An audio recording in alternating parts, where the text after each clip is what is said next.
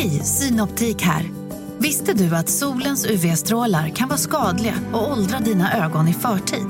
Kom in till oss så hjälper vi dig att hitta rätt solglasögon som skyddar dina ögon.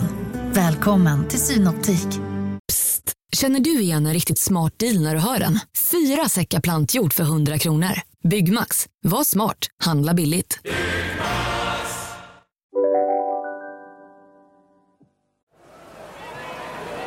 Ja, Kårmark, Kårmark växer mer och mer. ja, han övertygar ju mycket här. Titta, och så går han fräckt till angrepp. Och ska det kunna bli något här? Och här och ja! Där har vi 1-1! Och det är ju Magnus Erlingmark på Erik Wahlstedts framspelning. Har ni sett den nya unge? Vilket anlopp på kanten! Och så inspelning och så är det 1-1 och minuten är den. Nu ska vi se här i mörkret. Det är den 73 minuten. Se själv här. Men Pontus gör ju en fantastisk eh, rush här.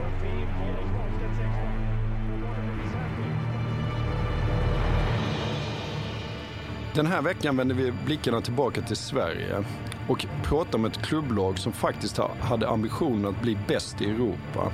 Och faktiskt var på väg att bli bäst i Europa. Vilket lag ska vi prata om, Erik? Idag ska vi prata om IFK Göteborg 1994 och 1995. Och den historien tänkte vi väl egentligen börja den 27 juli 1994. Och vid det datumet så är ju Sverige erkända och prisade som världens tredje bästa nation på här sidan. Vi har precis grävt brons i USA och det har faktiskt bara gått 11 dagar sedan den där tredje prismatchen mellan Sverige och Bulgarien. Det har dansats och det har gesats och det har studsats i Rålambshovsparken. Men nu är det redan, utan någon egentlig paus, tillbaka till vardagen som gäller för sju av de här medaljhjältarna. Och nu pratar vi om de sju som både ingick i VM-truppen och som tillhörde IFK Göteborg. De kommer tillbaka och de ska spela en stor, tung, viktig allsvensk match. För de ska faktiskt möta serieledarna Öster på bortaplan i Växjö. Och det är många som vill titta på den här matchen. Det har väl varken förr eller senare varit sån fotbollsfeber och sån karnevalstämning runt vår idrott i Sverige. Så det är över 14 000 åskådare som ska in på Gamla Värensvallen. Förbundskaptenen Tommy Svensson, som ju kommer från Växjö, han anländer med helikopter till arenan. Och IFK Göteborg dundrar in med sina meriter och sina ambitioner och sina VM-medaljörer. Och först så får de vänta 10 minuter innan de ens kan börja spela eftersom att det är så många som vill in och titta på. Och sen så spelar de fotboll i drygt 10 minuter och då har de redan gjort 2-0 på Öster. Jesper Blomqvist har gjort mål och Stefan Lindqvist har gjort mål och Blåvitt har liksom spänt musklerna och visat kraften. Och sen tickar den där matchen iväg och den är avgjord och den är så gott som över. Och i den 89 minuten då tillåter sig Växjösonen Thomas Ravelli att showa lite, att spexa lite, att jula på beställning. Och det skulle han ju inte ha gjort, för när han sen kom in i omklädningsrummet där ju tränaren Roger Gustafsson inte nöjd med att han har tillåtit sig själv att sänka garden och släppa på fokus. Han kommer sen ut och pratar med journalisten och konstaterar att ah, nu har jag pratat med Thomas om det här och hur mycket publiken än ropar så blir det varken julningar eller dans i fortsättningen. För det är så lätt att tappa koncentrationen. Thomas förstår det, men jag är inte säker på att publiken gör det. Och om han inte showar framöver så beror det alltså inte på att han har blivit stöddig. Felet är mitt. Jag har förbjudit honom, konstaterar glädjedödaren Roger Gustafsson. Det är signifikativt för vilka IFK Göteborg var, hur IFK Göteborg fungerade.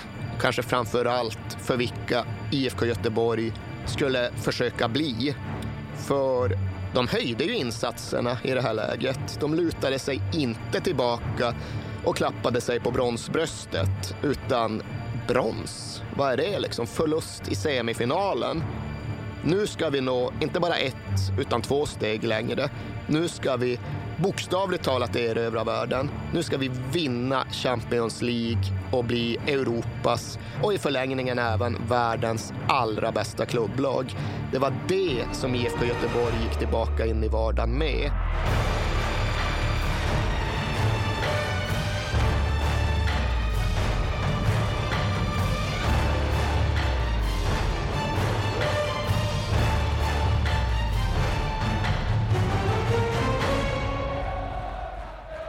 Vi kan absolut inte prata om någon baksmälla för, eh, alltså för, för de här blå, sju Blåvitt-spelarna som var med i VM-truppen. Nej, som sagt, det var tio dagar och sen pang på in i säsongen, in i ett sportsligt projekt med ännu högre målsättningar.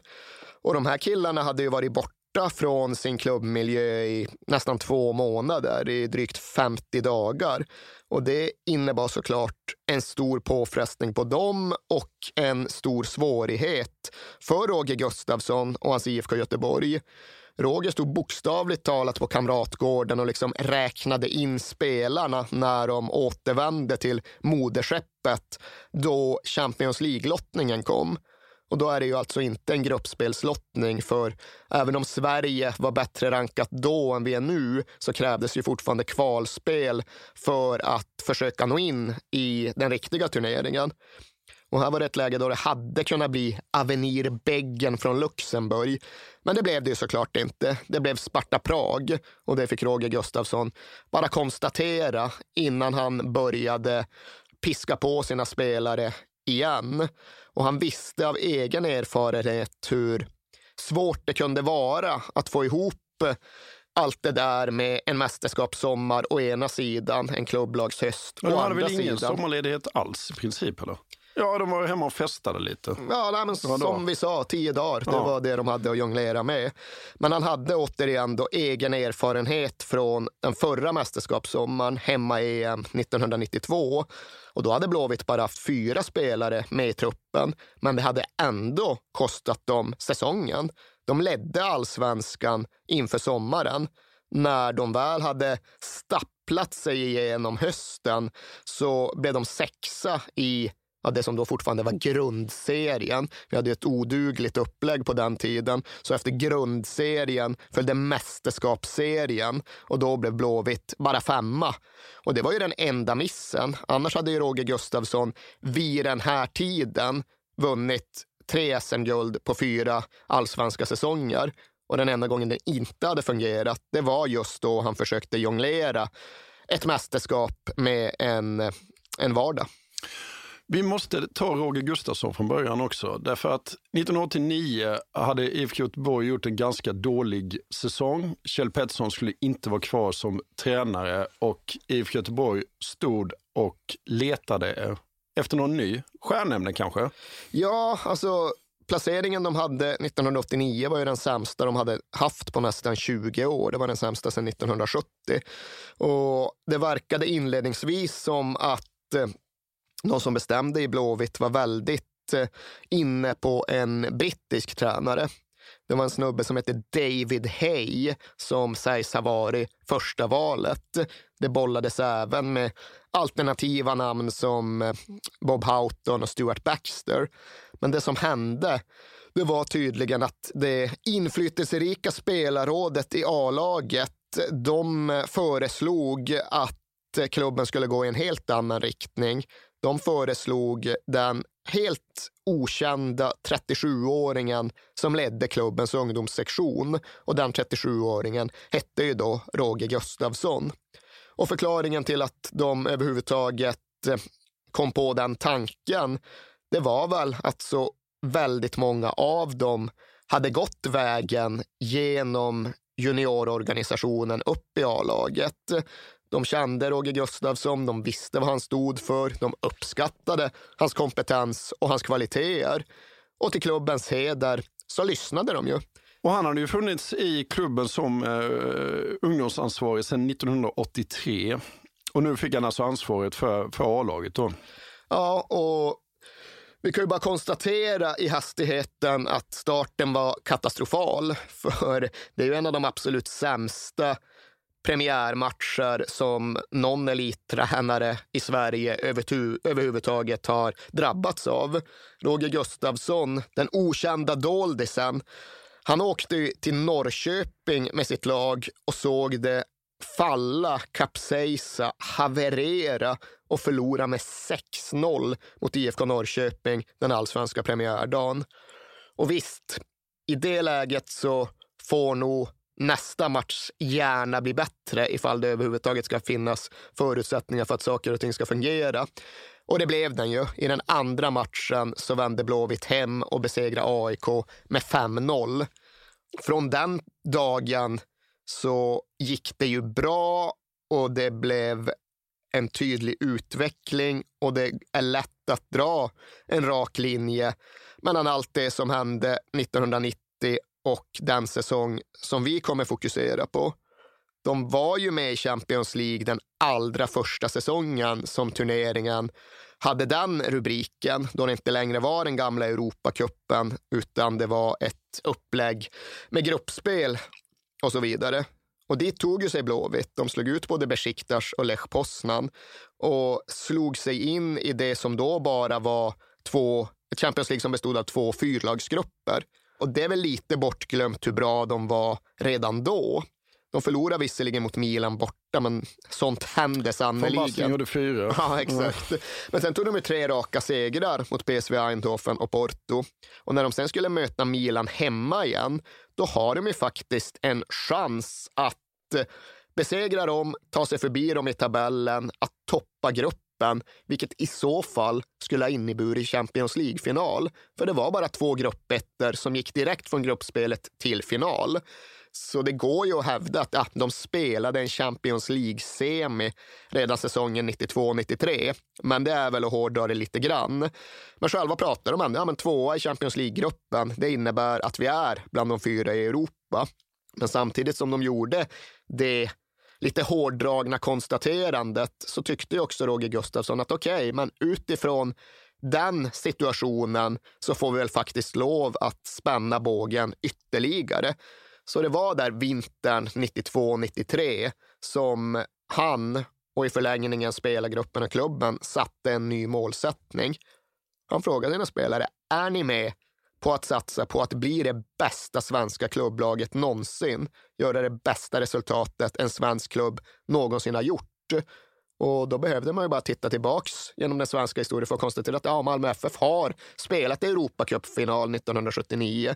Ska vi passera dem och måste vi faktiskt vinna turneringen. Så det var en uttalad målsättning som de jobbade med i flera år, att de skulle vinna Champions League. Och den första möjligheten de hade att göra det sen de satte målet, det var ju säsongen 94-95, som vi benämner den. Det blir ju lite skevt i en svensk kontext, för den allsvenska säsongen pågår ju bara under 1994. Men här tar vi liksom med hela Europacupspelet och allt. Ja, men det är ändå helt fantastiskt att, en, att eh, ett svenskt lag har som målsättning att vinna Champions League. Liksom. Alltså, man andra kan tider, tro det. Andra tider, men även då är det klart att det var ju extremt offensivt. Och det var ju ingenting som de talade högt om och utåt om, utan det är något som har krupit fram i efterhand, att det faktiskt var så de resonerade, agerade och, och arbetade. Och tränade för det också. Ja. ja. Vad, eh, men Roger Gustafsson då? Vem var han? Ja, det är en fråga med väldigt många olika potentiella och spännande svar. Eh, det gjordes en sån här faktaruta med honom i en av intervjuerna just under 94-95. Och de brukar sällan ge så mycket, men just den här funkade som ganska bra sammanfattning av vem han var vid den här tiden.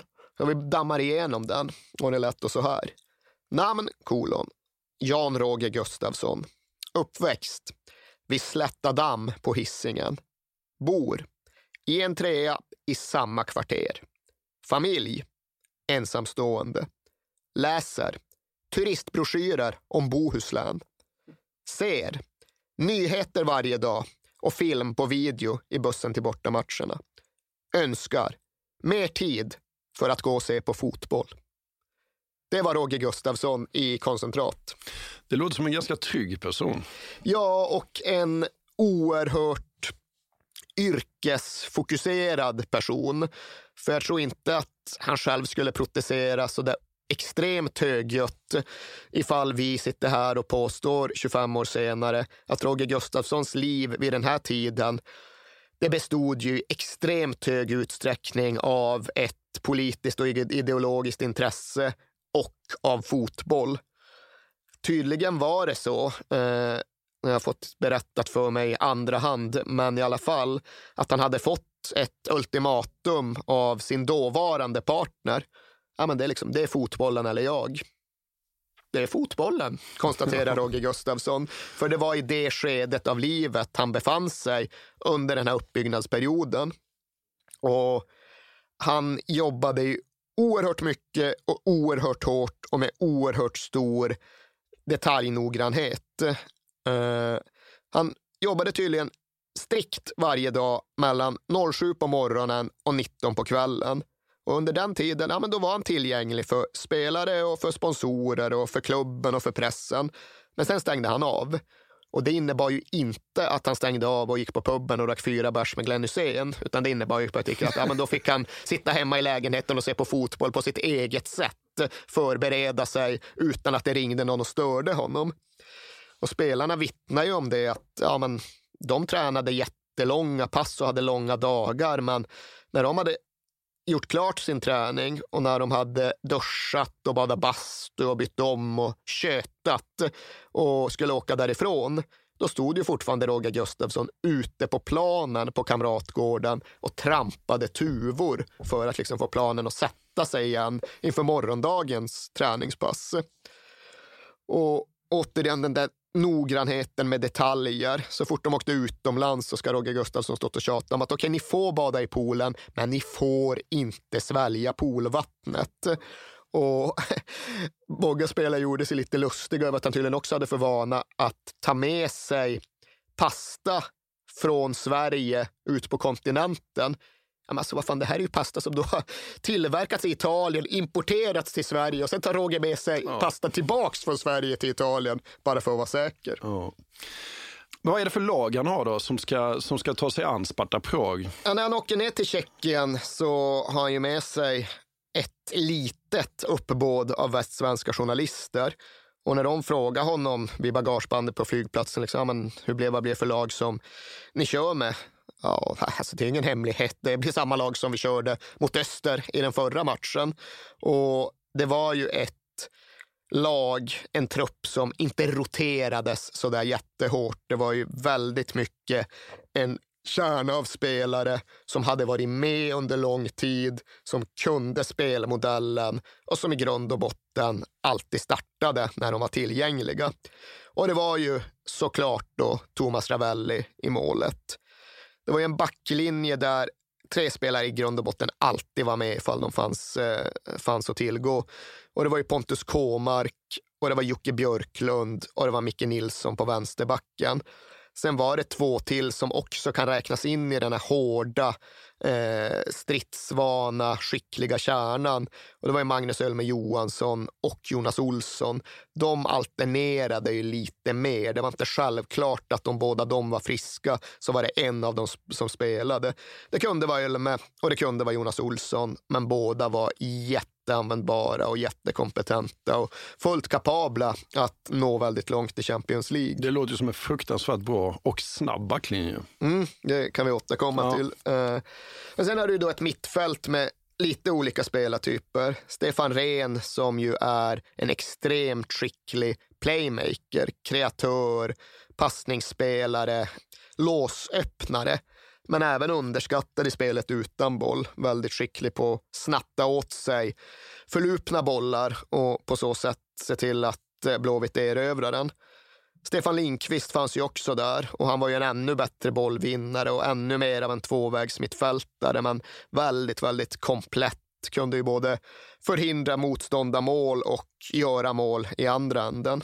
På kanterna var det Mikael Martinsson med sin speed och sin målfarlighet Eh, och så då Jesper Blomqvist som ja, var IFK Göteborgs största stjärna, bästa spelare vid den här tiden. Han hade ju redan stått för ett genombrott under året som ledde fram till hösten 94, men han skulle skjuta upp sig själv på en ännu högre nivå.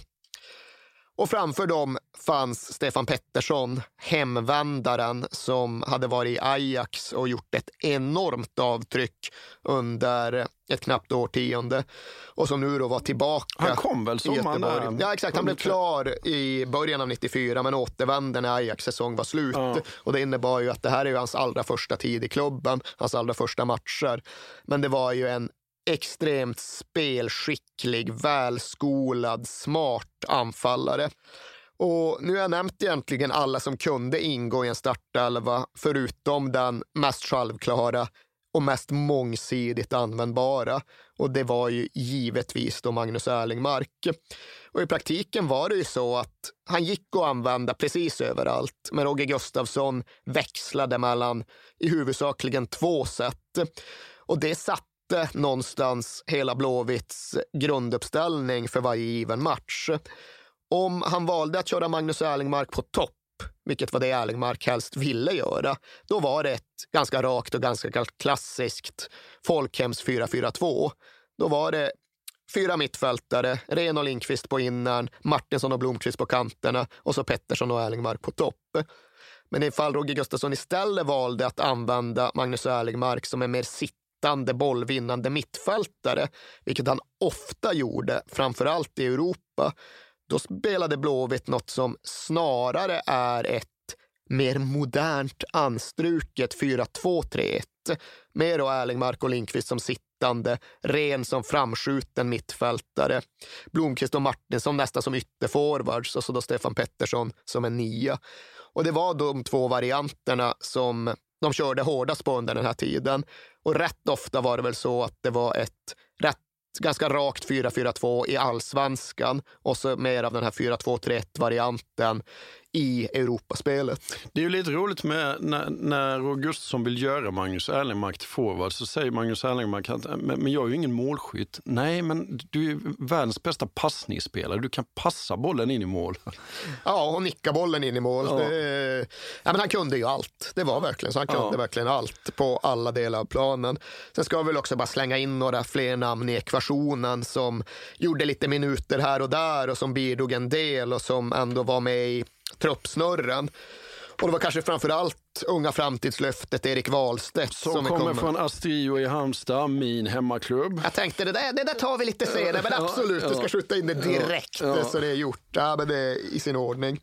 Peter Erra Eriksson, jättenyttig mittfältspelare, men långtidsskadad under den här perioden och blev inte spelklar förrän 95 egentligen. Och detsamma gällde Mats Liljenberg som de var sugna på att ta hem från 1860 München redan här i början av hösten 94 för att få ett mer djupledslöpande anfallsalternativ. Men då backade de för de tyckte att äh, vi slänger inte iväg 6 miljoner när vi borde få honom för fyra och avvaktade helt enkelt.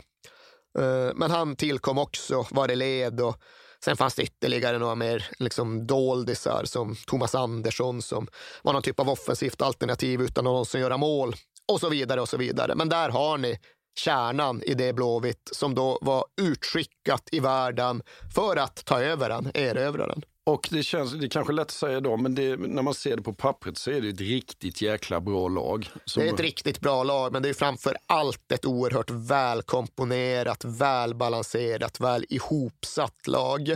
De hade ju i nästan samtliga fall tillhört Blåvitt under lång tid och någon hade varit ute och vänt som Stefan Pettersson och någon hade vuxit upp någon annanstans i Sverige och liksom skolats in genom Blåvitts ungdomsakademi. Men alla var extremt inkörda på vad som gällde i Roger Gustafssons IFK Göteborg. Det var 100 procent så att spelarna var jättebra individuellt men blev ju mycket mycket, mycket, mycket bättre när de väl satte ihop sig själva som ett fungerande lag.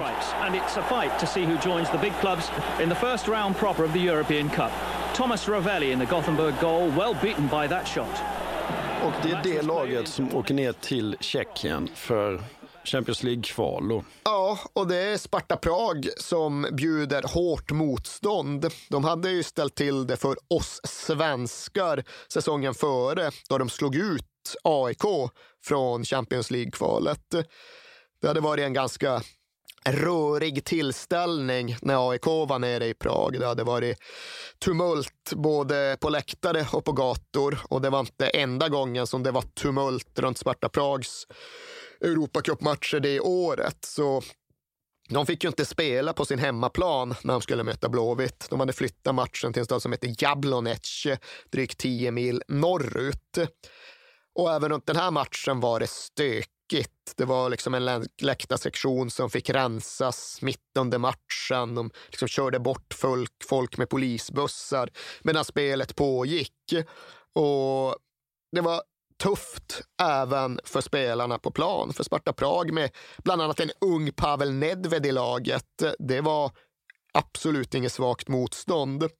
Men det stod väl och vägde. Sparta hade någon boll i virket. Magnus Erlingmark missade en jättechans och det tycktes bli 0-0. Men så i 88 minuten så får en check bara iväg ett så här drömskott, en riktig häxpipa från 25 meter upp i Ravallis bortre kryss. Och då är det 1-0 till Sparta och då är det ju faktiskt ett jobbigt läge att vända hem till Sverige och, och behöva utgå ifrån. The last minute of the game with the match heading towards a goalless draw. The ball fell to Sparta forward Thomas Budka. A spectacular effort gave Sparta a marginal advantage for the second leg. Men det fixar de på ett eh, väldigt fint sätt. Ja, väldigt fint sätt och väldigt stabilt sätt och väldigt imponerande sätt. Stressar inte upp sig, trygga i det de gör, trygga i sin kvalitet, trygga i sin spets. Och det är väl kanske då spetsspelarna som kliver fram i den här matchen. Jesper Blomqvist gör ett väldigt fint mål rätt tidigt i returen. Stefan Rehn eh, krånglar in en boll efter en timme och Stefan Pettersson är kanske matchens dominerande spelare. Han eh, ska ha haft bollen så 40 gånger under matchen och inte gjort ett enda fel, inte tappat bollen en enda gång. Det är mycket Ajax i honom då kanske? Ja, det ja. var det han, tyckte ju, han var väl kanske den som hade svårast med liksom Roger Gustafssons system vid just den här tiden. För det var absolut en kontrast att komma hem från Ajax-modellen tillbaka till ett Blåvitt som han då kände var exakt samma som det hade varit 86. Men här visade han ändå sin kvalitet och här visade Blåvitt sin kvalitet. Just att trots ett svårt utgångsläge mot en farlig motståndare som hade slagit svenska mästare förr så kontrollerade de bara hem det där. De vände det, inget snack. Right, det är gruppspel.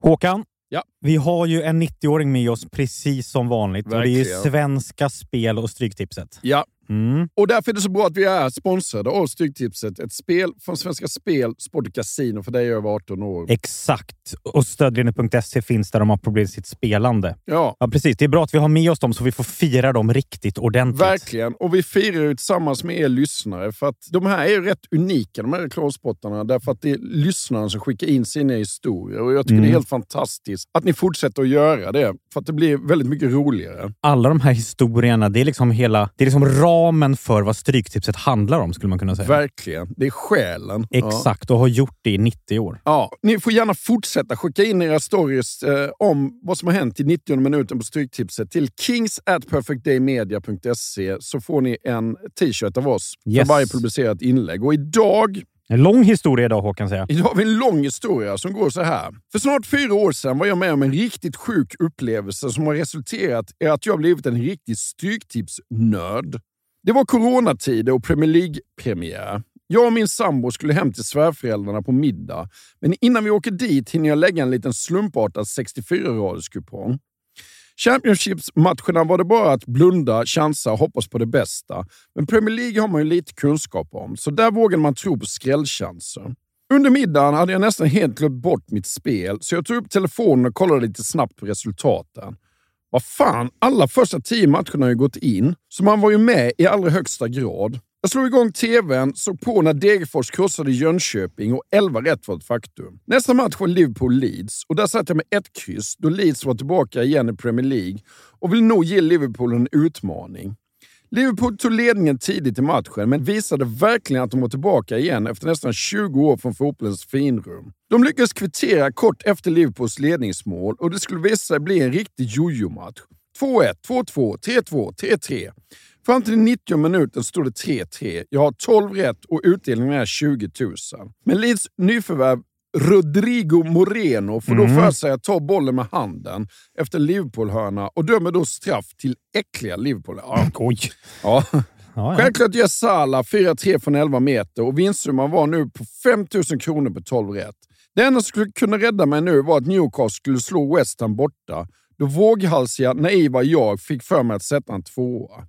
Jag tror aldrig jag mått så dåligt av att se en fotbollsmatch. West Ham var det spelförande laget i första halvlek, men inga riktiga chanser skapades från något av lagen. När andra halvlek blåses igång och jag hade lugnat mig lite så tar det bara några minuter innan Callum Wilson brunkar in ett ledningsmål för Newcastle och nervositeten kickar igång igen. Om första halvlek var ångestladdad så går det inte att jämföra med andra. West Ham pushar på hela halvleken för ett kvitteringsmål. De har en ribbträff bland annat, men 0-1 står sig fram till slutminuterna.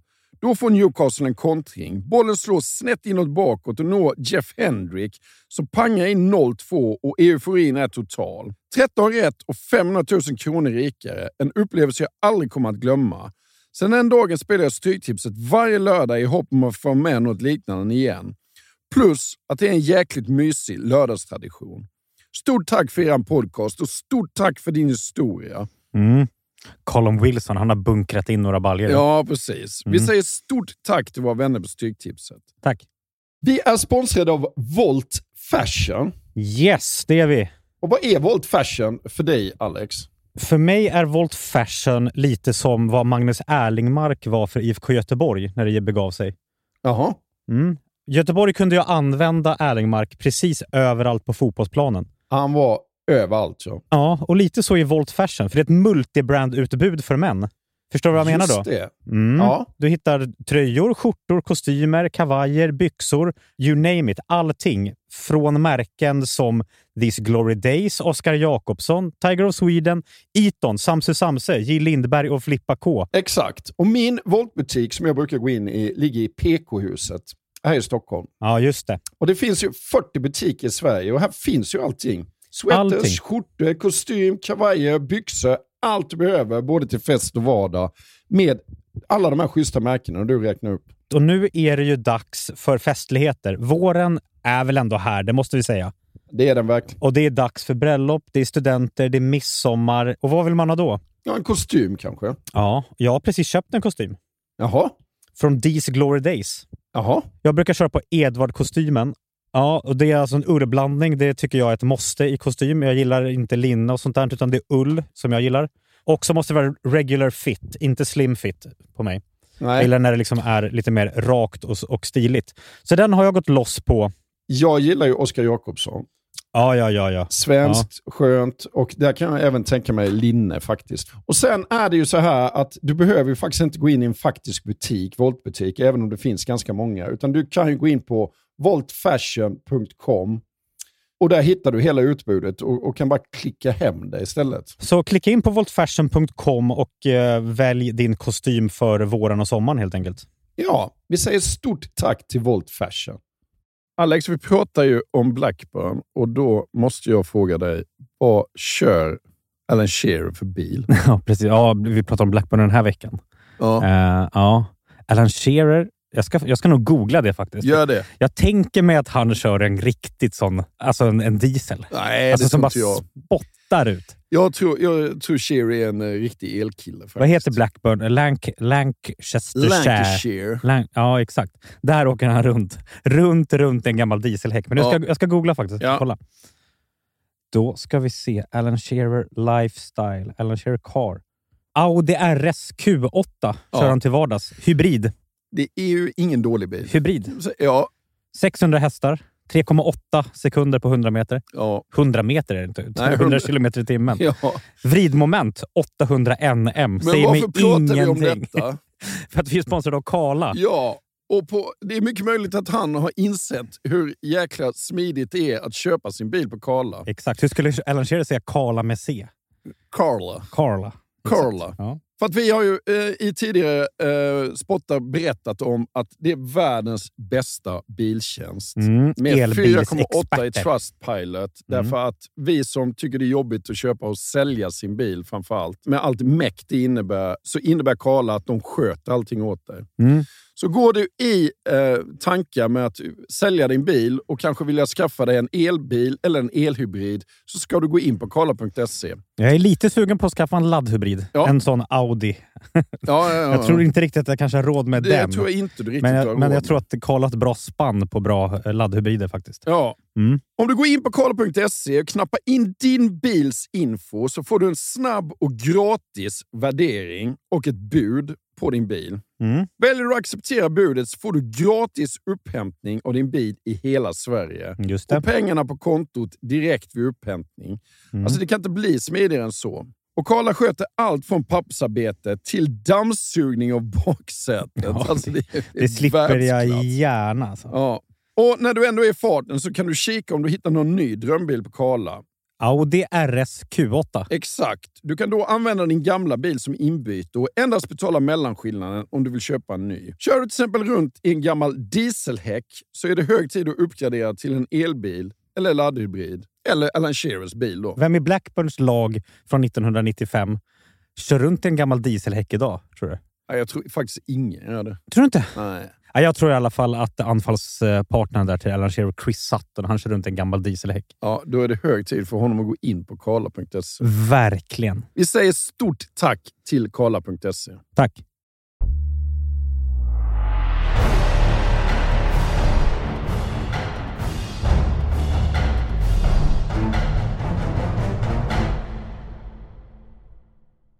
Och i det gruppspelet så är det ju... Ja, man kan inte tala om drömlottning direkt. Nej, idag hade vi kanske gjort det, för idag känns det ju ofta som att ifall ett svenskt lag når Champions League, ja, då vill vi ha Real Madrid och PSG för att det är väl lika bra att passa på att få glamourmatcherna när vi ändå ska förlora. Men så kände inte Blåvitt. Blåvitt skulle som sagt susa genom gruppen och vinna turneringen och då är det ju ganska bistert när det visar sig bli FC Barcelona, Manchester United och Galatasaray som eh, bjuder på motståndet. Vi hoppar väl direkt in va? Det gör vi. Och då börjar det ju eh, med Manchester United borta. Ja, och det här är ju omedelbart efter då Sir Alex Fergusons första ligatitel, Man Uniteds första ligatitel på 26 år. Så det är en klubb på en stark uppåtvåg som spelar på en arena där faktiskt aldrig ett bortalag vunnit en internationell cupmatch. Så det är på ett sätt väldigt mycket odds emot Blåvitt. Yes, behind me the team's ready to come out. One player who, of course, won't be in action tonight, Roy Keane, who's injured. Roy, Swedish team really don't know what to expect as far as the atmosphere is concerned here at Old Trafford. What can you promise them? Um, well, obviously, I played in the European Cup last year um, against Galatasaray, and the atmosphere was fantastic. So hopefully, the crowd can get behind the lads tonight, and the lads can put in a good performance and get two points. I mean, this is a different situation this time after the disappointments in Turkey. Here it's about getting league points. Yeah, as you said, it's different now, and um, I said hopefully the lads can start off with getting two points, and we can take it from there. And a quick word about young 19-year-old Nicky Butt, who has to come in tonight. Well, I think I don't think the manager's any fears about putting Nick, Nicky in. Obviously, Nicky's a very um, promising young player, and I think uh, he'll enjoy tonight, and I think um, he won't let anybody down. Thank you, Roy. Samtidigt ska det ju sägas att eh, det finns ju en dimension som gör att svenska klubbar på den här tiden hade en sorts fördel mot de stora internationella bjässarna. Och det var ju att det bara tilläts tre utlänningar i startelverna på den här tiden. Och det innebar ju problem för Barcelona som hade fler än så och för Man United som inte bara hade utlänningar i form av Schmeichel och Kanchelskis och Cantona utan dessutom var tvungen att liksom förhålla sig till sina irländare, Roy Keane och Dennis Just Irvin det, och ja. allt Ja. det där. Jag vill minnas att britter fick de på något bakvänt sätt kvotera in. Så Ryan Giggs var lugn trots att han var walesare. Brian McClare fick spela fast han var skotte. Men irländarna var det problem med. Och de liksom kunde aldrig ställa upp med riktigt ordinarie lag i Champions League vid den här tiden. Men de var ju fortfarande starka. Och de var så starka att Roger Gustafsson kände att ja, men här måste vi anpassa oss mer efter motståndet än vi kanske någonsin tidigare har gjort. Det var inte så att det var lätt och scouta ens en bjässe som Man United på den här tiden.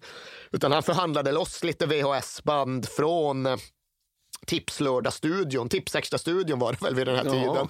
Och så satt han med dem och konstaterade att right, det de gör är att de i stort sett alltid använder Mark Hughes som uppspelspunkt. Och Hughes är bra som satan på ett sätt som man kanske inte alltid får cred för. Utan han får fast varenda boll, väljer rätt alternativ nio gånger av tio och får Man United att flyga framåt. För sen får de ut den på Giggs eller på Lee Sharp eller på Kanchelski, så sen är de iväg. Så det var inte nog med att han satte liksom upp en back i ryggen på Mark Hughes. Han ville dessutom ha ytterligare en defensiv spelare som block framför Hughes. Så han satte mer eller mindre en tvåmannamarkering på honom när Man United hade bollen. Och det gjorde att han tog in Jonas Olsson som en korsning mellan mittback och defensiv mittfältare, egentligen bara för att skära av och blockera Hughes. Och konsekvensen av det, det blev inte bara att han gick ifrån modellen och formationen, utan det blev ju att han faktiskt för första gången petade Stefan Rehn. Och vid den här tiden var liksom alla överens om att ja, Stefan Rehn är bäst i Blåvitt. Den viktigaste värvning vi någonsin gjorde, beskrev klubbdirektör Thomas Wernersson det som. Och han hade ju spelat alla matcher, varit med och vunnit alla SM-guld sen Roger blev coach och blev så här liksom, jag vet inte vad det hette, men årets spelare i svensk fotboll mest vartenda år. Men nu skulle han lyfta ut Stefan Rehn som en konsekvens av att han ville ha en annan typ av försvarsuppställning. Och när han skulle förklara det för Stefan Rehn beskriver Roger Gustafsson som att han höll det sämsta individuella samtal jag någonsin har haft. Han lyckades inte få fram vad det var han ville och varför han ville det till Stefan Rehn. Men då blev givetvis Jonas Olsson skadad strax före paus. Han slår axeln ur led på någon vänster och då får Ren lov att komma in. Och här är ju Blåvitt fortfarande med i matchen, för de är ju faktiskt 1-0 när Schmeichel kommer ut helt fel på ett inlägg. Stefan Pettersson stötte in den i tomt. Och visst, United kvitterar, United tar ledningen, men sen kommer Stefan Rehn in och påstår i alla fall själv att eh, han gör ett kvitteringsmål med en helt otrolig uppfinningsrikedom. För Micke Nilsson ska ju skjuta en av sina enorma mördarfrisparkar, får en rätt dålig träff, den susar rätt mot ren och han lyckas då ställa om och klackstyra in bollen i bortre hörnet förbi Schmeichel från 18 meter. Och är det som man säger, att det är med mening att han hinner uppfatta det, ja, då är det liksom en trollkonst som borde höjas upp högre i svensk fotbollshistoria. Det ser inte riktigt ut så på tv-bilderna. Ja, men Stefan Rehn var ja. Stefan Rehn, ja. det var han verkligen. Så jag är ändå lite benägen att tro okay, på vi honom. Vi litar på Stefan. Lead, it's important now. United stay calm, get in one or two tackles to make sure that Gothenburg can make no progress here. Next minute or two, really important. Blomqvist has got a good left foot on him. You'll need to have from here, Brad. And Nielsen also. There's Nielsen. Oh, it's gone in! It's gone in off Ren! And it's 2-2. Men sen lyckas de ju ändå inte riktigt stå emot. Det är ett Man United som liksom är för övertygade om sin egen kraft på Old Trafford. De har för många anfallsalternativ. Det går inte att bara stänga bort ljus och tro att man därigenom kontrollerar matchen. Utan Paul Lindström är iväg ett jätteskott som Ravelli styr i ribban, men sen är Giggs först framme på returen, 3-2. Sen kommer ett annat till Lee Sharp innanför för Ravelli, 4-2. Man United vinner, det är liksom inget att säga om. De är bättre, Blåvitt har varit helt okej. Okay, de det håller ändå 2-2 till 65 minuter. De Absolut. gör två mål på Old Trafford. Alltså det är, inte, det är ingen det är dålig inget, insats. Nej, det är inget magplask. Det är inget som gör att de vänder hemåt och känner att vad fan har vi inbillat oss? Tror vi att vi kan hävda oss i Champions League? Utan de känner nog att ah, två bra lag möttes. Hemmaplansfördelen gav lite utslag den här gången. Så Blåvitt vände hemåt. 200 tillresta fans sägs de haft med sig. Eh, de hade haft fler idag, kan jag konstatera. Och spelartruppen ska flyga hem från Manchester med ett plan som har avgångstid 01.20 på natten. Men det går ju inget vidare. Nej, för att där är de ju faktiskt inblandade i eh, total dödsångest. Ja, det är inte ett för starkt ord att använda. För de sätter sig i den här Fokker 28. De lyfter och de kommer ut över Nordsjön, men det är dåligt jävla väder. Och när de har hunnit typ halvvägs till Göteborg, är mitt ute över det stora öppna havet, ja, börjar planet skaka och vibrera och piloten ger intryck av att överhuvudtaget inte kunna kontrollera maskinen utan det ska liksom plana halvt okontrollerat både upp och ner. Och innan passagerarna på planet riktigt har hunnit förhålla sig till vad det är som händer så kommer beskedet att ah, vi ska vända om, vi ska tillbaka till Manchester och vi ska nödlanda.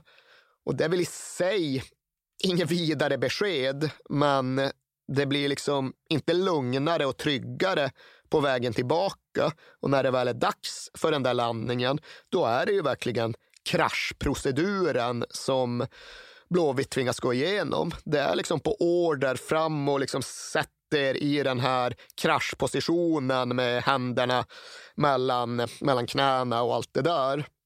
Och som Roger Gustafsson själv berättat, ja, man hinner fundera ganska mycket under de minuterna som man sitter i den positionen. Och det är inte så kul när man själv inte har någon kontroll och inte egentligen har någon rimlig möjlighet att avgöra hur det där kommer att gå. Och tydligen var det ju så att vissa av passagerarna, vissa av spelarna på planet börjar plocka fram bilder av familjer ur plånböckerna. De tar fram papper och liksom börjar skriva ner avskedsrader bara utifall att. Och de tänker givetvis så gott som oupphörligen på hur illa det kan gå. Man United är en klubb som vet alldeles för mycket om vad som faktiskt kan hända när ett fotbollslag är ute och flyger. Så jag tror just att den där ångesten och den där våndan som de tvingas hantera under minuterna alldeles före landning det är väldigt svårt att föreställa sig ifall man inte själv har befunnit sig i den situationen. Nej, de satt ju och höll varandra i handen. Det förstår man ju att det, det måste varit helt fruktansvärt. Verkligen. Och sen går det ju bra. De lyckas med nödlandningen, men det är ju liksom jätteuppbåd som möter dem. Det är brandbilar och det är skumslangar och det är allt som ingår i en nödsituationsprocedur. Och när de väl lyckas ta sig tillbaka via Köpenhamn så landar ju spelarna i Göteborg och konstaterar att ja, det är mycket svårare att skaka av sig den här upplevelsen än det är att förhålla sig till en förlust mot Man United borta. Så det gick bra, det blev en parentes, men det var ändå någonting som påverkade den här spelargruppen. Vissa menar att det kanske förde dem närmare varandra. Vissa menar att ja, det är kanske något som var och en förhöll sig till på, ett, eh, på sitt eget sätt. Men det var liksom ingen liten upplevelse de gick igenom ihop. Nej, men hur man än ser på det så, så har ju gruppen upplevt någonting som nästan ingen annan gör, kan man säga. Om vi ska gå vidare till nästa match så är de ju hemma då och möter Barcelona. Ja, det finns ju, jag vet inte om det finns en parallell eller vad det är egentligen. Men det går ju inte att gå in på den matchen utan att redogöra för den nationella bakgrunden till stämningsläget som rådde den kvällen. För det var alltså den 28 september 1994 som för alltid kommer vara en av de svartare dagarna i den nationella svenska historien. God morgon. En bil och passagerarfärja med 867 personer ombord har sjunkit söder om finska Utö. Den svensk-estniska färjan Estonia var på väg från Tallinn till Stockholm när den vid halv ett-tiden i natt slog runt i det hårda vädret. Det var storm i området. Det blåste 25 sekundmeter. Det hela uppges ha gått mycket fort. På mindre än fem minuter kantrade och sjönk färjan. Hittills har bara 20 personer av de 867 ombord och det var ju inte självklart att den här matchen skulle spelas. Det var självklart att när den väl skulle genomföras så var det med sorgband på tröjorna och med flaggorna på halvstång och med ett väldigt speciellt emotionellt läge som ramade in hela matchen. Och det måste man verkligen ha med sig när man ser tillbaka på hur matchen var, hur folk upplevde den och hur reaktionerna på den sen kommer att visa sig bli. Och det, jag minns än idag att, eh, jag ska inte berätta om matchen, men den första frågan Jesper Blomqvist får eh, efter matchen i tv är hur känns det att spela eh, när det här har hänt dagen innan? Ja. Det är inte en speciellt schysst fråga direkt efter du, du går ut från en match. Liksom. Nej, men någonstans kanske ändå en oundviklig fråga, även om man kanske tar den som femte snarare än ja. första fråga. Men Thomas Ravelli sa också efter matchen att ah, fotboll känns så futtigt. Jag har mått dåligt hela dagen och det var verkligen inte en lätt match att spela. Och om vi ändå pratar om det som hände rent sportsligt på planen så gick det ju inget vidare för Blåvitt under en lång del av den här matchen. Som sagt, efter Barcelona var tvungna att trixa med sin laguttagning eftersom att de inte kunde ha med alla sina utländska stjärnor. Nu gav det i och för sig lite sig självt eftersom Romario hade blivit skadad. Pep Guardiola var förresten också skadad, men Romario var skadad och det innebar att okej, okay, då kan vi i alla fall sätta ut Ronald Koeman och Georgi Hadji och Risto Stoichkov som de tre utlänningarna. Ändå rätt tre okej. Okay. Rätt tre och liksom ja. en laguttagningsfråga ja. som blir enklare när man inte behöver peta någon av de här fyra. Ja. Men det hade också varit lite kul ifall Romario hade varit tillgänglig och eh, Koeman inte hade fått starta. För då hade ju Barcelona kommit med en typ av koncentrat av den svenska VM-sommaren till den här matchen. Då hade det varit Hadji från kvartsfinalen, Romario från semifinalen och Risto Stoichkov från bronsprismatchen. Och just det där med att Stoichkov skulle möta Ravelli igen, det var en stor grej i uppsnacket inför matchen. Framförallt spansk press piskade verkligen upp det där som den stora hatduellen.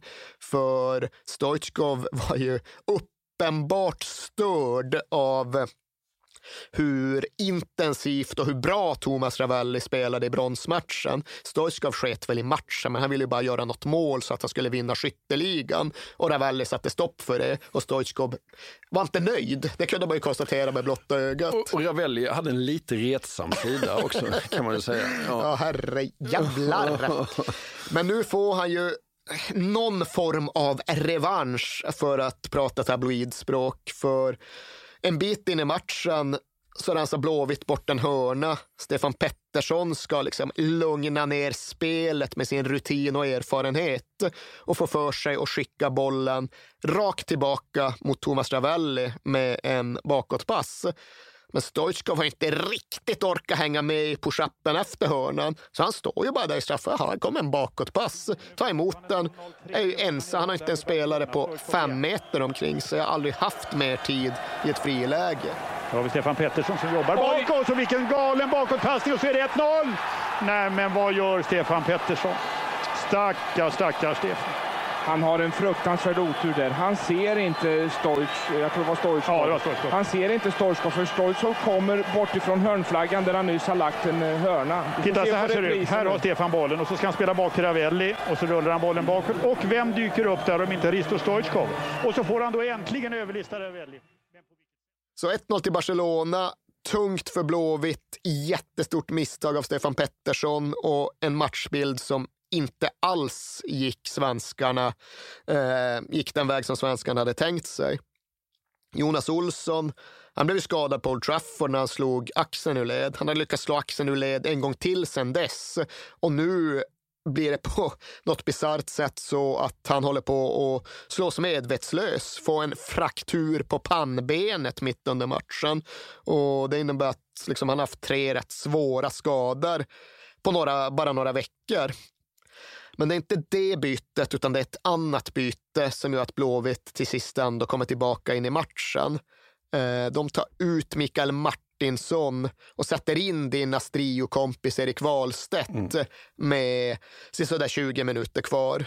Och det tar inte speciellt länge innan han kommer loss med sin tonåriga frejdighet på högerkanten. Slår ett lågt inlägg parallellt med Barcelonas mål och det är liksom Erling Marko bara trycker in bollen i nät.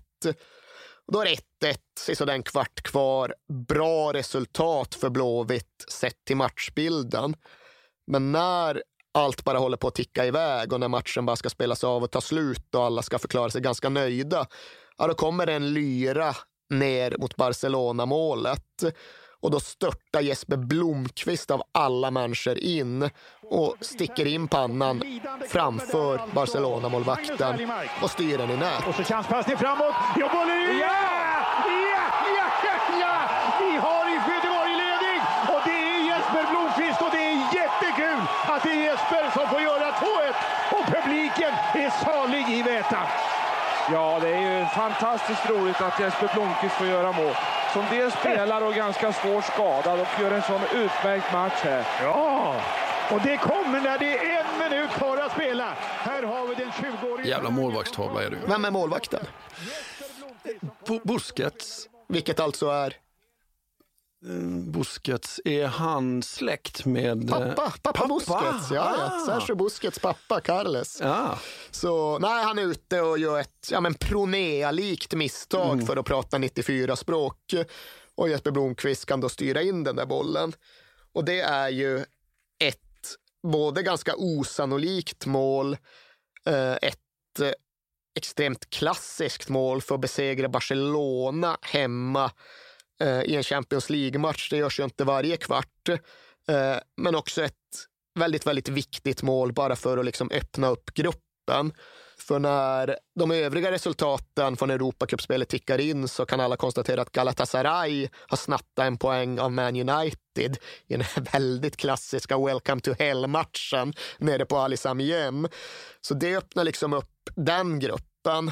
Och på andra håll så har de övriga svenskklubbarna gjort det smått historiskt bra i det internationella cupspelet. AIK har slagit ut Slavia Prag och Trelleborgs FF har slagit ut Blackburn Rovers från Premier League. Det kommer vi nog återkomma till i ett annat avsnitt.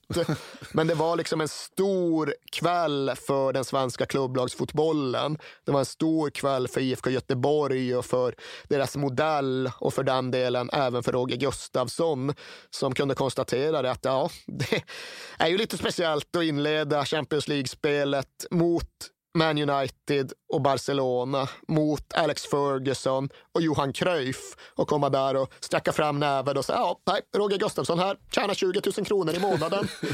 och speciellt läge och för den delen även en speciell matchvinnare, Jesper Blomqvist. Detta 20-åriga naturbarn, eller hur vi nu ska kategorisera honom.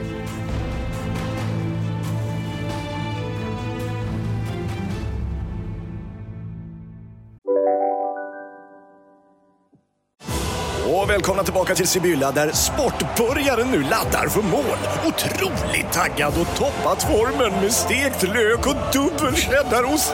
Det här blir en riktigt god match! Sportbörjare, ett original i godaste laget. Från Sibylla. Hej, Synoptik här. Visste du att solens UV-strålar kan vara skadliga och åldra dina ögon i förtid? Kom in till oss så hjälper vi dig att hitta rätt solglasögon som skyddar dina ögon. Välkommen till Synoptik. Nej. Dåliga vibrationer är att gå utan byxor till jobbet. Bra vibrationer är när du inser att mobilen är i bröstfickan. Alla abonnemang för 20 kronor i månaden i fyra månader. Vimla! Mobiloperatören med bra vibrationer. Vi måste ju väl stanna lite vid, vid Jesper. Han kommer från eh, Tavelsjö va? Jajamän, vad har du på Tavelsjö? Nej, väldigt lite faktiskt, men det är ju dina hood så att berätta du. Det är bara 48 mil hem tror jag. Ja. Kanske lite längre. Ja, men det är ju då en liten västerbottnisk by som ligger eh, någon halvtimme norr om Ume. Och när Jesper Blomqvist slog igenom så sensationellt som han verkligen gjorde under den här tiden, då skickade Göteborgs-Posten upp en reporter som bland annat skrev ett väldigt fint reportage just om hur det var att komma hem till, hem till byn, hem till Jespers by. Och den texten inleddes så här. Kommer du till Tavelsjö söderifrån åker du förbi byar som Kärlamark, Håkmark, Hirsö, Kvarnfors, Haddingen och Lyckebo. Sen svänger du höger efter minigolfbanan och tunnbrödsbageriet som ligger mitt emot kodräparhålet. Och det liksom satte scenen. Gör man det så då närmar man sig. Och kommer man sen så nära att man kan börja fråga runt vart håller Blomqvists till? Ja, då kommer någon gammal tant på cykel peka, till, peka på ett hus som ligger alldeles intill sjön med utsikt över Storön. Och på sjön, ja, där spelades det förresten bandy på 50-talet. Det var då Forsberg for genom isen med traktorn, noterar de också i den här artikeln. Men han kommer ju då från ja, men klassisk svensk byamark på det sättet som glesbygden såg ut förr. Och han var ju i och för sig inte en spelare som rent fotbollsmässigt kom från ingenstans. För Blåvitt hade ju haft koll på honom sen han var 15 och spelade elitpojklägret i Halmstad 1989. Men det var ju såklart flera som hade haft det, så det blev ju en typ av dragkamp mellan många av de svenska storklubbarna. Jesper Blomqvist gjorde något provspel för AIK, men då var han så nervös att han knappt kunde spela, så det blev liksom ingenting. MFF höll koll på honom och skickade bland annat upp scouten Inge Blomberg för att studera Jesper i sin hemmiljö. Och när han kom till då Taversjös hemmaarena, hemmaplan, Klacken, och någon i publiken som direkt kom fram. Jaha, är du som är från storklubben? Ja, visste du det? frågade Inge Blomberg. Jag är bara främlingar som har slips här. oh. men det var ändå så att Blåvitt och Jesper Blomqvist hade kontakt under liksom en lång period. Det var ju först Roger Gustafsson som hade varit den ungdomsansvariga som liksom knöt kontakten med Jesper Blomqvist. Men när han tog A-laget 89-90 lämnade han över till någon underhuggare som heter Thomas Hjärtmo och Hjärtmo han höll kontakten så tillvida att han ringde minst en gång i månaden bara för att liksom stämma av. Ja, men hur går det med skolan och hur går det med livet och hur går det med fotbollen? Och ska du inte komma ner till Göteborg snart? Och Jesper ville liksom inte. Jesper ville inte ens flytta in till Umeå och spela för UFC utan han ville spela sin fotboll i Tavelsjö och han ville gå klart gymnasiet och han gjorde ju det. Han gick ju klart gymnasiet uppe i Västerbotten och hade 4-0 i betyg innan han till sist gick och övertala till att flytta ner till Göteborg. Eh, och då hade han hunnit bli 19 år gammal. Men vadå, gick han direkt från Tavelsjö? Han var studsig i UFC. De lyckades ja. övertala honom att komma. Ja, men så farligt är det väl inte att spela för Umeå FC. Liksom. Det ska du väl kunna. Så han tror, jag tror, tror han gjorde en säsong för UFC, men även det var ju liksom fördröjt och försenat sett till någon form av normal karriärskurva. Men det är rätt talande ändå för hur Blåvitt grundlade sin framgång på den här tiden. För det var både hemvävt och inte hemvävt.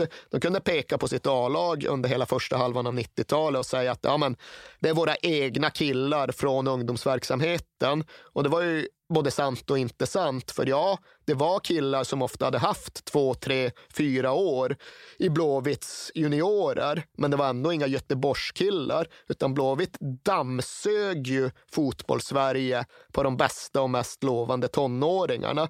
De fick dem att komma till Göteborg ja, oftast lite tidigare än Jesper Blomqvist. De fick väl dit dem när de var 16-17 19. Från början kanske de var sommarproffs och sen flyttade de och gick de sista utbildningsåren med Roger Gustafsson i ungdomsverksamheten. Men det var många storstjärnor som kom ja, så det unga. var ju typ alla. Ja. Om man tittar på det här laget så var det ja, men Ölme kommer bevisligen inte från Göteborg utan han kommer från Ölme. Jocke Björklund är från Växjö. Stefan Linkvist från Halmstad.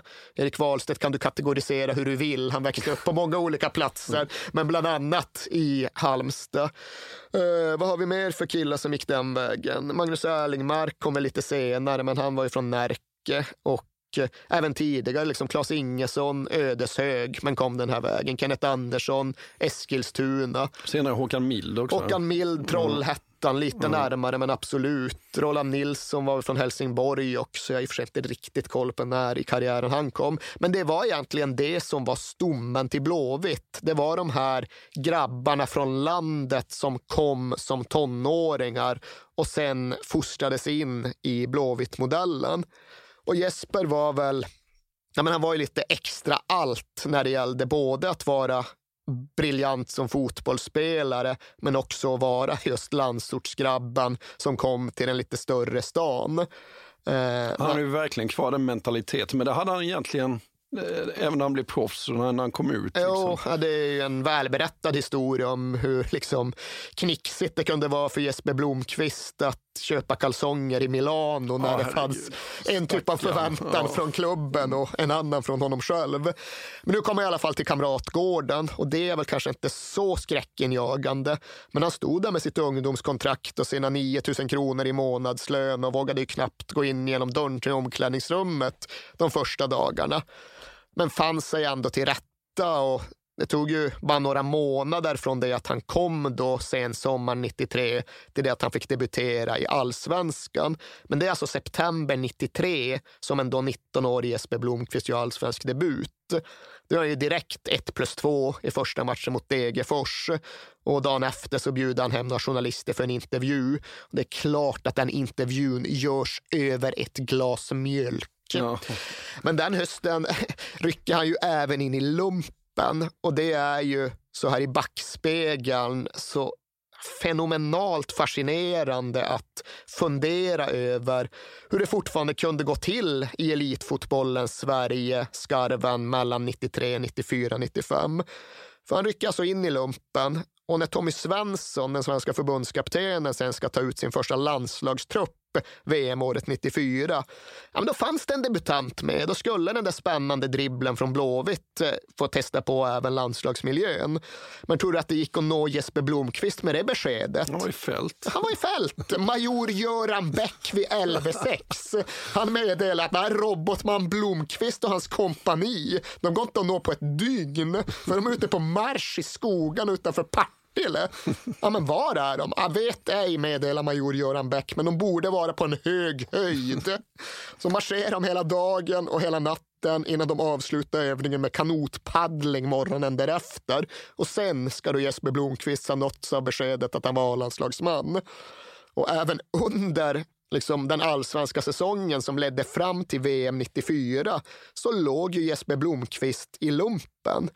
De hade ett toppmöte, en klassikermatch mot Malmö FF hemma på våren.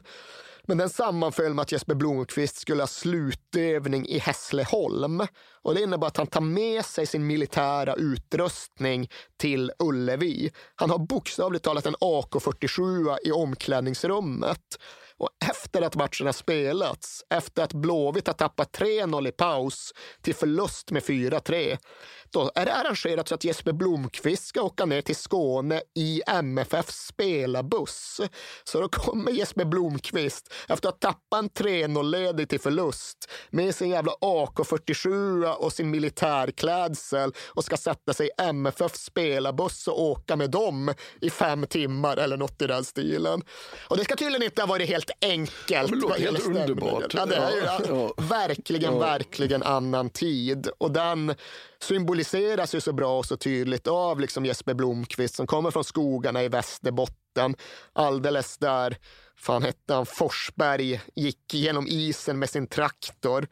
Eh, och eh, dribblar med tungan utanför munnen och händerna indragna i armarna och pulveriserar liksom motstånd från Barcelona och Manchester United. Och när Blåvitt-spelarna fick semester den här vintern så då var det ju ändå så att det är klart att de var ju bronsmedaljörer, de var ju erkända internationella fotbollsspelare. Så rätt många av dem åkte ju på fotbollsspelarsemester. Pontus Kåmark, han dog ju såklart i Bali och Stefan Lindqvist, han åkte till Västindien och Jocke Björklund hamnade i Kenya. Jesper Blomqvist han åker hem till Tavelsjö och målar om taket i pojkrummet. Det gillar du va? det, det gör jag ju. Det gör jag ju så inåt helvete. Men det är ju också någonting som nästan blir lite klyschigt när man återberättar det. Men det är ju funny because it was true. Liksom. Det Ja. var verkligen så det var och det var så han var.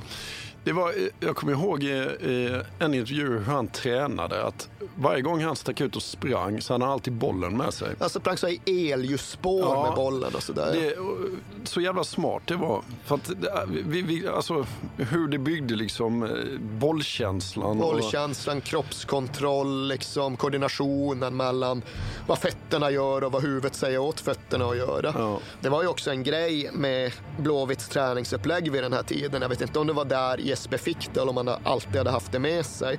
Men Blåvitt tränade ju stenhårt. De tränade jättelånga pass, men de gjorde det alltid med boll.